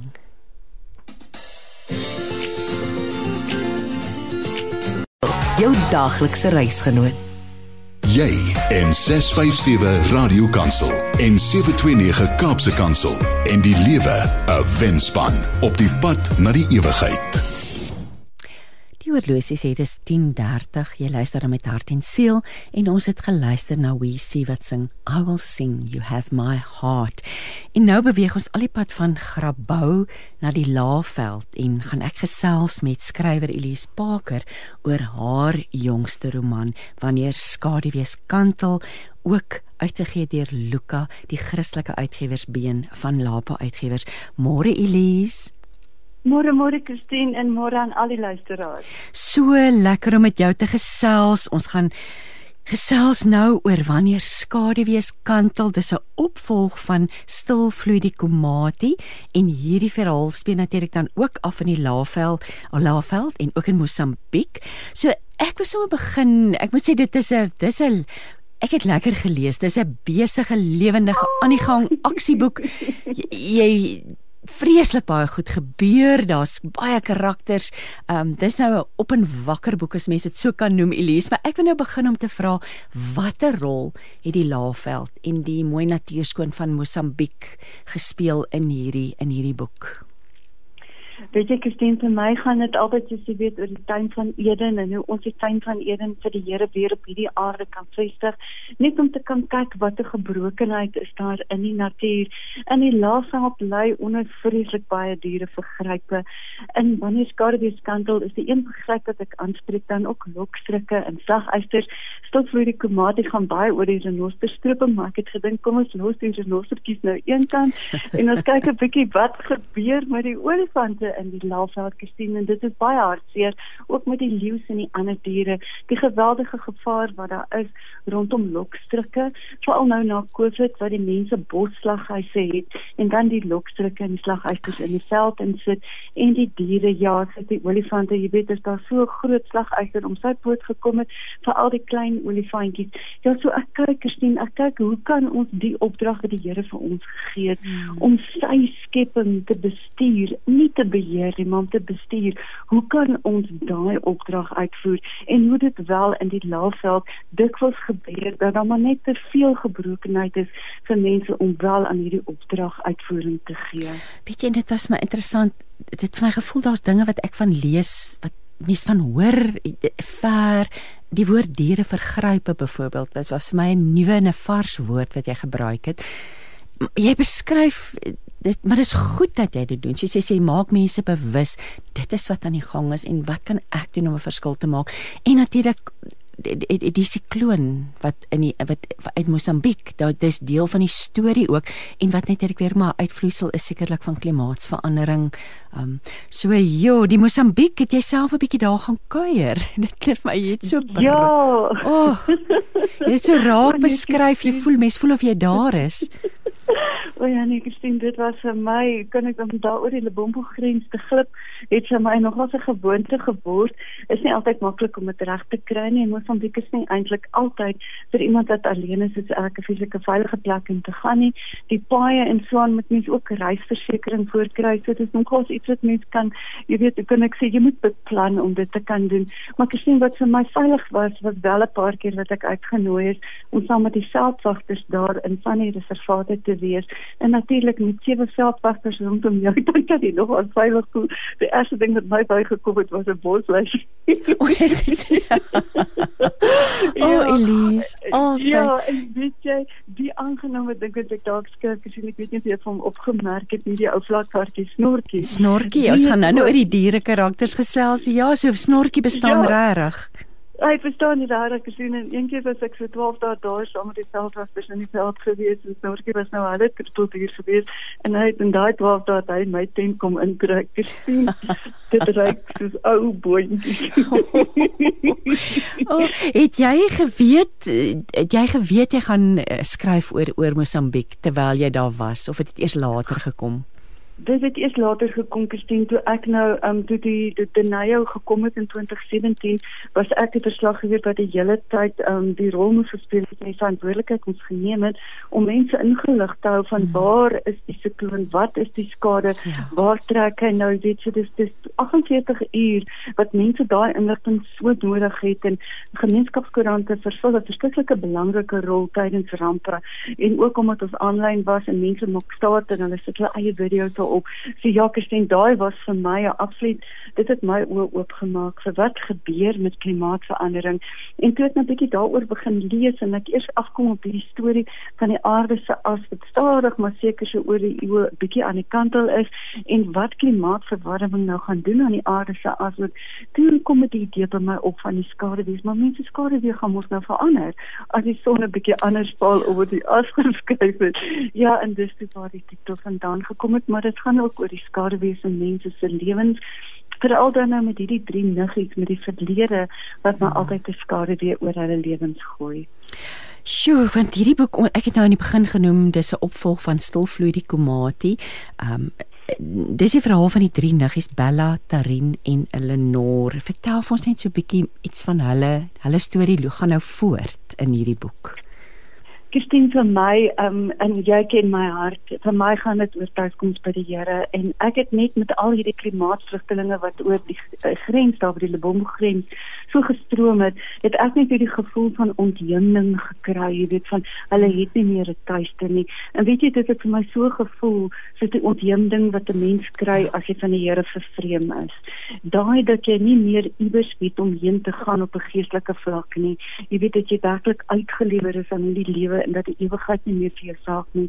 Ek wil weer geskryf het oor mense, hoe vind jy God nadat jy hom verloor het? Want kyk, die Here verloor ons nooit nie. Hmm. Dis ons wat wegstap, dis ons wat hom verloor.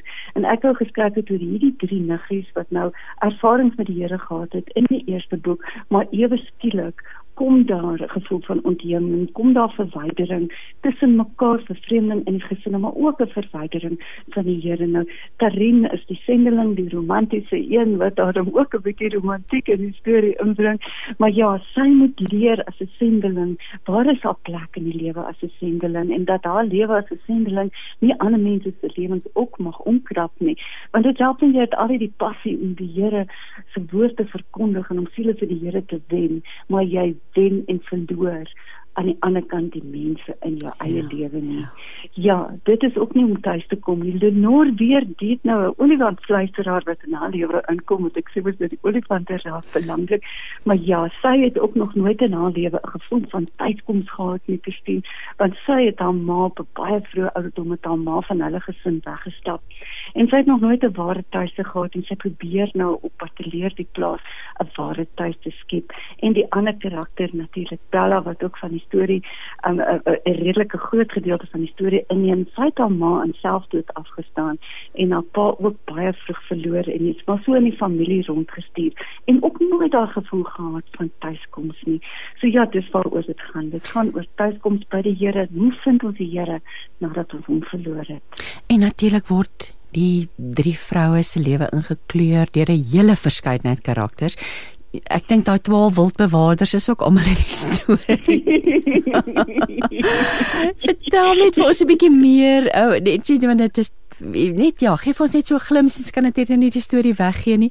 Ehm, um, maar jy wou dit uit die aard van die saak en mens sien dis 'n ryk en vol vol borduurde storie van van van vol karakters, ja. Ek dink dit ek was so lus om 'n bietjie, jy weet net so 'n bietjie iets komies in te bring en te bring hierdie twee niggies in. En die twee niggies daar in die Laagveld is daar sulke mense, hulle boer daar vir suikerplaas. en die twee niggies het 'n besondere manier hoe hulle met mekaar kommunikeer, maar in die Laagveld gesien dis die wonderlikste mense. Is daar 'n verskriklike bewaringsgesindheid ook om dit wat geskiedenis is hmm. te bewaar. En die niggies behoort aan die geskiedkundige vereniging en hulle speel 'n baie belangrike rol in die storielyn waar daar 'n myn dalk moontlik gevestig kan word hmm. reg langs die reservaat. En ja, oneek is en ek kan net vir jou vertel hoe lekker dit ek rondgery in die Makonjwa berge nie. Dit is van die oudste gesteentes op die aarde, die tweede oudste gesteentes op die aarde. Dit is groen berge met groen stene. En as jy naby aan dit kom, dan sal altyd soos 'n jy weet amper soos 'n jaspis, daai regte jade groen mm. kleur wat jy sien in die berge. En die twee niggies red dan nou ook dan nou die plaas deurdat hulle nou so die geskiedenis van alles weet. En weet jy ja, dit was vir my twee lekker karakters om in te skryf om net 'n bietjie humor in te bring. Elise dit terwyl jy nou so gesels, dink ek net daaraan niks niks gebeur sonder 'n plan. Niks gebeur sonder dat die Here weet waantoe ons vat nie. Ehm um, jy het 'n tyd lank in die Laagveld gewoon en hoor nou net hoe lekker gesels jy en kyk net wat was die pennevrug gewees van van die tyd wat jy daardeur gebring het nie. O, oh, Christine, weet jy, die, die getrouheid van die Here, daar's geen einde daaraan nie. En weet jy, toe ek daar so op die grens gesit en wag het om te kyk hoe werk die mensehandel en jy weet net om daaroor mm. te kan skryf, het ek hierdie drie woorde van die Here gekry, tuin van Eden. En jy weet, ek het net weer daai begrip in my lewe gekry van wat doen ons aan die skepping oh.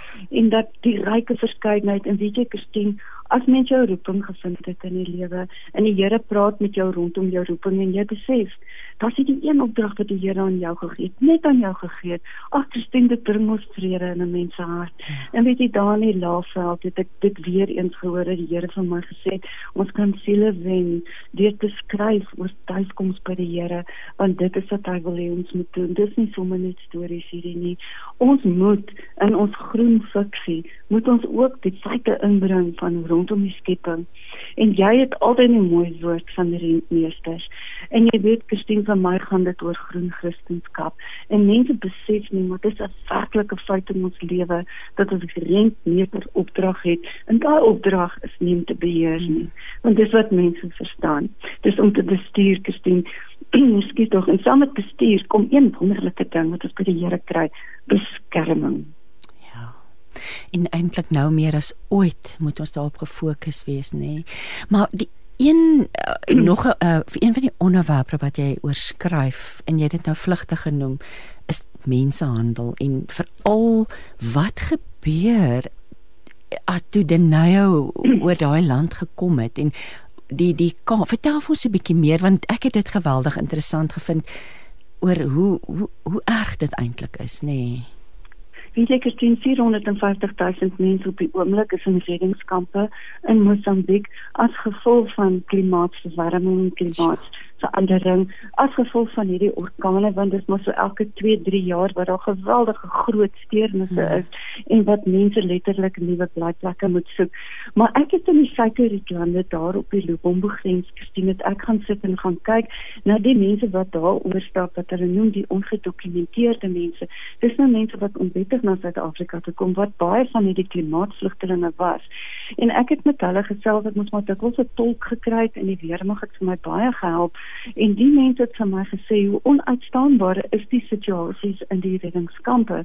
Dat van hierdie reddingskampe wat na die rampe gewoonlik kom, is nie altyd die hemel nie en dit word juis dan nou die teiken van van die mense smouse om te gaan kyk hoe kan hulle dan nou daar soos Aasvolksland en dan hierdie mense wat totaal en al onderredderd is, nog meer onderredderd laat deur vir hulle opsies te bied wat eintlik maar dan nie opsies is om verder 'n lewe te hê nie, maar wat op mense smousery dan neerkom. So hierdie reddingskamp het my aangegryp dat die mense binne in 'n vlugtelingsituasie nog steeds moet wegvlug van die reddingskamp. Ek sien dit het my hart baie seer gemaak. Ja, Elise, ek wil dit ons praat van die met die oppas van die natuur, maar ook nê die omgee vir, vir ons medemens. Ehm um, asof dit ook maar op 'n groot vlak agterweë gelaat word en veral as daar geleentheid is om geld te maak, nê. Ehm um, um, iemand uit te byt. Ons gaan nou nie verder daaroor ingaan nie want ons wil nie van die storie weggee nie. En nou wil ek net gesels oor die aksie want daar's baie aksie in die boek. Elise, hoe duidelik klink vir jy was tussen die tussen die stroop die die die die ehm um, die die die teenstropings ehm um, brigades en die weermag en die hoe het jy die aksie ingeskryf? Was dit vir ek het dit het vir my geklink of jy feeslik pret gehad het om dit te skryf? O, oh, Kirsty, dit was baie lekker. Wat een van die lekkerste dinge wat ek gedoen het, is daar met die antitrippings eenhede boombehalwe nou om met die honde te werk. Gereeld het hulle so af en toe as hulle nou dit gesien het ek staan te verlore en alleen daar eenkant met die kamera, dan hulle my nou ingenooi saam met hulle in die helikopter patrollie te gaan doen of wanneer hulle nou gegaan het om die klein wees um, renostertjies nadat die groot renosters gestroop is, dan word die wees renostertjies in die reservate gewoonlik met 'n helikopter opgelaai. Hulle maak vir hulle soos kan ek amper sê soos 'n draadsak sit hulle daar in dra hulle na die helikopters toe en dan word hulle nou met die helikopter aangevlieg na die renoster weeshuis toe en ek dink ek het maar baie keer verlore en verlate gelyk en dan het ek nou 'n plek gekry in die helikopter. O, Kirsty, hoe opwindend. Jy sit saam met 'n renoster in 'n helikopter. Elise, ek kan dit jou vertel. Ek kan sy weer hemel vermoed. Ek kan dit dink vir Elise Parker in 'n helikopter saam met 'n renoster. Daar kan niks lekkerder wees nie. Elise, maar so van die renoster renosters gesels ge, gepraat. Kom vertel vir ons want jy lys voor in die boek is daar 'n lys van karakters en ek moet bieg ek het hier en daar teruggegaan net om weer seker te maak oor wie lees ek nou. Maar dan is ook 'n lys van diere karakters. Vertel vir ons van hulle asseblief. Ag, oh, Christine vir my die een olifantjie wat my verskriklik aangespreek het was 'n albino olifant naby Hoedspruit wat gered is en in 'n trop opgeneem is en ek het gevoel ek wil so 'n olifant inskryf in hierdie storie. En die olifantjie se naam is Masinkita. Ek sien een van die snaakste dinge met 'n klein olifantjie is natuurlik hulle moet leer om 'n slurp te gebruik. 'n Olifant word nie gebore om weet wat om met sy slurp te doen nie. Nou jy 'n klein olifantjie wat nie blootgestel is aan die trot nie, wat moet leer om sy slurp te gebruik. Stem dit is skreeusnaak. Hulle die krip slaan met die hulle kom nie by die water uit wat self spreek nie. Hulle slaan die krip met die slurpie in slaan. Maar sien dit as 'n olifantjie wat in 'n strik getrap het. So sy het 'n verskriklike groot slaguister om haar poot gehad en dan kom die olifantvleiseraars nou en hy probeer dan nou vir haar om net eers die tuis te voel en dan ook vir die voet om te genees. Maar sulke diere te sien kan nie eintlik weer soos baie mense voel hervestig word in die natuur nadat hulle blootstelling gehad het aan mense nie. So ja, ek werk met die storie om bietjie te gaan kyk hoe die probleem olifante in die laafveld wat word ook met hulle gemaak, maar dan ook ons verloor meer diere in die laafveld op die oomblik aan lokvalle, aan lokstrukke en aan slaguisters as aan baie ander. Maar wat word van hierdie diere? Is daar 'n genesing vir hulle?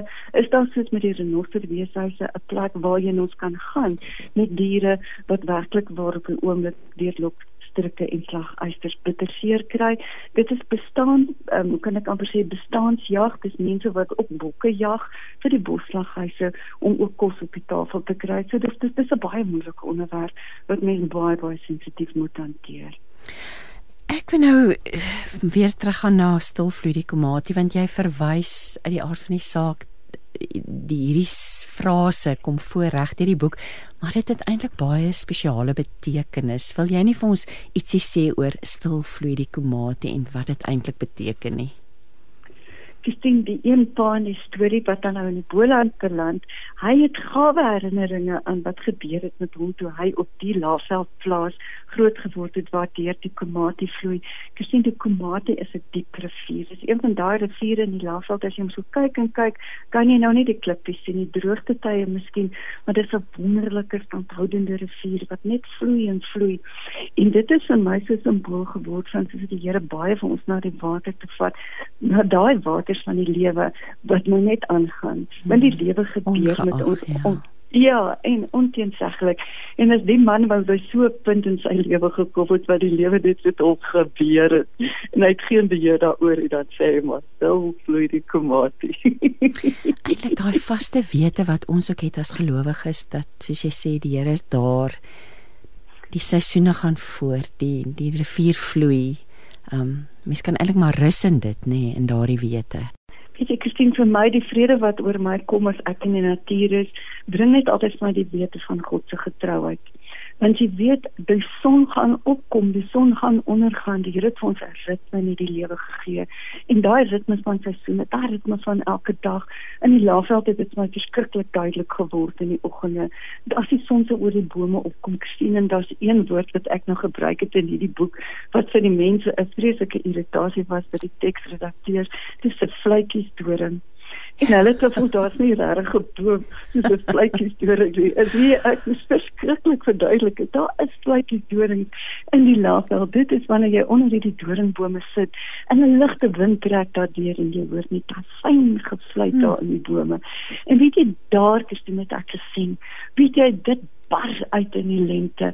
Daar's een kleur groen as ek ooit 'n vers maatskappy moet sê jy moet hierdie kleur groen maak en ek sê laafveld groen. Plaas kon vir laafveld groen. Want dit is 'n knars vars groen wat jy nêrens anders in die land kry nie. Koorsbome het dit. Jy weet in dit bars uit binne 3 weke dan is 'n boom wat leeg gestaan het, dan het hy hierdie groen in hom. En dit is wat die Here vir ons gee, Christine. Hy gee vir ons hierdie lente in ons lewens. Die winters gaan kom, die somers gaan kom, maar net soos wat die lafveld 'n ritme het, het die Here 'n ritme met ons lewens. Hm, jy weet jy nie beeld van 'n boom kom ook so gereeld voor in die woord. Um, nee. Elise vrugte sal ons omgee. Ja, ja, absoluut, absoluut. Ons het reeds laas gesels oor die vrug van die gees, ehm um, ja. boek, maar nou wil ek vir jou vra, is dink jy daar kom 'n derde of weet jy, is daar 'n derde ehm um, 'n uh, boek in hierdie reeks wat ons kan verwag of na uitsien? Definitief gesien voor die koraalbome blom. En gesien nou het ek werklik waar hier in Pretoria in 'n ellende beland. Want al die koraalbome blom hier in al die strate. Jy kan by 'n verkeerslig op dan is daar 'n koraalboom. Dis is of ek eweskielik 'n sterdatum net wat my volg. So, jy word gereeld jy word daagliks so oomblik daaraan herinner. So jy is al aan die skryf en um... ek is aan die skryf jy's dankie Christine. En ja ek wou die drie niggies en ek probeer net hulle verhale voltooi want ek wil fisiek graag hê hulle en die lesers moet daai gemoedsrus kry dat ons gaan tuis kom by die Here want hy het reeds ons weg voorberei. Ag wat 'n wonderlike herinnering daaraan nê. Elise, so ter afsluiting laaste gedagtes net weer oor rentmeesterskap en ons as gelowiges wat na die planeet met omsien. Wat wil jy vandag sê so ter ter afsluiting? daar was 'n kruishout gewees en die mense moet weet daai kruishout van 'n wonderlike boom af gekom. En omdat daar 'n kruishout was, was daar iemand wat aan daai kruis gesterf het. En sy opdrag vir ons is om gebrokenheid te herstel. En of dit mense vergrype is en of dit diere vergrype is, ons opdrag in hierdie wêreld is om gebrokenheid te herstel. Hm. Amen daarop. Ek herhaal net weer vir ons die titel van die boek. Um, ek het nou gesels of ek is besig aan die gesels met Elise Parker. Die titel is Wanneer skaduwees kantel. Dis 'n opvolg van die topverkoper Stilvloei die Komati. Ek neem aan beide boeke is nog op die rak of die stilvloei die komate is steeds beskikbaar nê Elise. Dit reg, jy ja, sien hy is nog daar. So as jy hom nog nie gelees het nie, kry hom eers lees hom en dan kan jy wanneer skaduwees kantel lees en so terwyl ons lees vroeg Elise om vir ons die derde boek klaar te skryf. vroeg is seker nie die regte woord nie. Elise, dit het tyd geword om te groet. Ons gaan nou luister na Melanie Vosloo wat vir ons 'n meditasie bring vir oggend, maar baie baie dankie vir jou tyd. Ag, mag die Here se seën op jou rus in hierdie tyd, um ook hierdie nuwe seisoen in jou lewe. En ja, so dankie dat jy jou talent met ons deel en dat jy gehoorsaam is aan die Here se roeping vir jou lewe. Dankie vir jou sagte hart en jou mooi hart, Christina, ek waardeer dit baie liefde en seën in ons gesels gou weer maar kom ons luister na Melanie. En voordat ons na Melanie luister dat net eers totsiens sê en dankie sê vir Paul manne vir die tegniese versorging. Voel altyd rustig met hom aan die ander kant van die glas. Dankie daarvoor en Paul ag en liewe luisteraar mag die Here met jou wees. Mag jy sy teenwoordigheid voel. Mag jy hom absoluut geniet en waardeer in al hierdie mooi bome wat bot en die groen blaartjies wat deurstoot en en dat ons net herinner word aan 'n nuwe seisoen is op pad. Tot volgende week dan. Totsiens. Jy's by 657 Radio Kansel en 729 Kaapse Kansel. Die radio met die waarheid in sy stem. Welkom by vanoggend se middel van die week luister meditasie. My gebed is dat jy ruimte in jou dag sal maak vir jou en God verregtig rustig word vir luister vir sy liefde vir jou indrink kry weer 'n eenkant plek en word gemaklik en dan ervaar jy God se genade en vrede en liefde om jou te midde van alles wat jy nog moet doen en vandag moet wees. In my loopbaan van meer as 38 jaar was ek dikwels op cloud 9. Dankbaar vir genade, trots op wat my span kon regkry en vervuld omdat ek gevoel het dat ek my Godgegewe talente ook in die sakewêreld kan uitleef. Die dinamika van spanwerk was heerlik. Maar daar was menige kere wat ek as leier bitter eensaam gevoel het. Nie antwoorde gehad het nie. Bang en onseker was. Moeg was. Ja, ek onthou dat ek letterlik met tye so moeg was dat ek soggens wanneer ek gaan draf het, sommer net oor 'n takkie in die pad sou struikel omdat ek net nie energie gehad het om een voet hoër as die ander te lig nie. Ja, ek onthou baie tye wat ek soos Dawid in Psalm 119 vers 18 gebid het. Hoe verlang ek nie daarna om u hand op my skouer te voel nie. Ek wag heeldag op u troos. Ek kyk nou terug en ek sien al die Mount Everest en ek weet bergopklim was fantasties. Die horisonne was amazing. Maar dit was baie kere alleen pad. Jy het mede bergklimmers voor en agter jou, maar jy moet alleen een voet voor die ander een sit. Jy moet alleen na wysheid soek. Kyk ek na al die aantekeninge en datums in my Bybel waar ek God om hulp, wysheid en krag gevra het, dan sien ek die volgende. Hy het my nooit alleen gelos nie. In tye wat ek regtig te swak was, het hy op onverklaarbare maniere 'n uitkoms gegee. Wanneer ek wysheid nodig gehad het, het sy woord en sy gees aan my die waarheid oopgebreek en die rigting aangedui. In tye wat ek alleen en eensaam was, was hy my troos. En toe mense my in die steek gelaat het, het ek hom gehad. Waar is jy vandag? Wat is die eise wat op hierdie dag aan jou gestel gaan word? En waar lê jou moed, jou energievlakke? Waar jy ook al is, kan jy vandag bid soos die psalmis in Psalm 130 vers 5 tot 6. Ek wag op die Here en hoop op u woord. Ek wag op u Here. Kom ons bid saam. Gees van God, soms is ek regtig te moeg om met u te praat. Is die omvang van alles wat ek moet doen en hanteer te groot om te verduidelik? is die pad voor my hopeloos te donker om u lig raak te sien. Dankie dat ek as ek soms nerf afgeval het in my menslike swakheid, nie aan u hoef te verduidelik nie, maar net my hand na u toe kan uitsteek en sê: Hoe verlang ek daarna om u hand op my skouer te voel? Ek wag al heeldag op u troos. Here wees asseblief die stil stem in my hart wat my aanmoedig om die volgende tree te gee. Oortuig my juis nou dat ek maar net met dapperheid my reis moet voortsit omdat U weet wat U vir my beplan.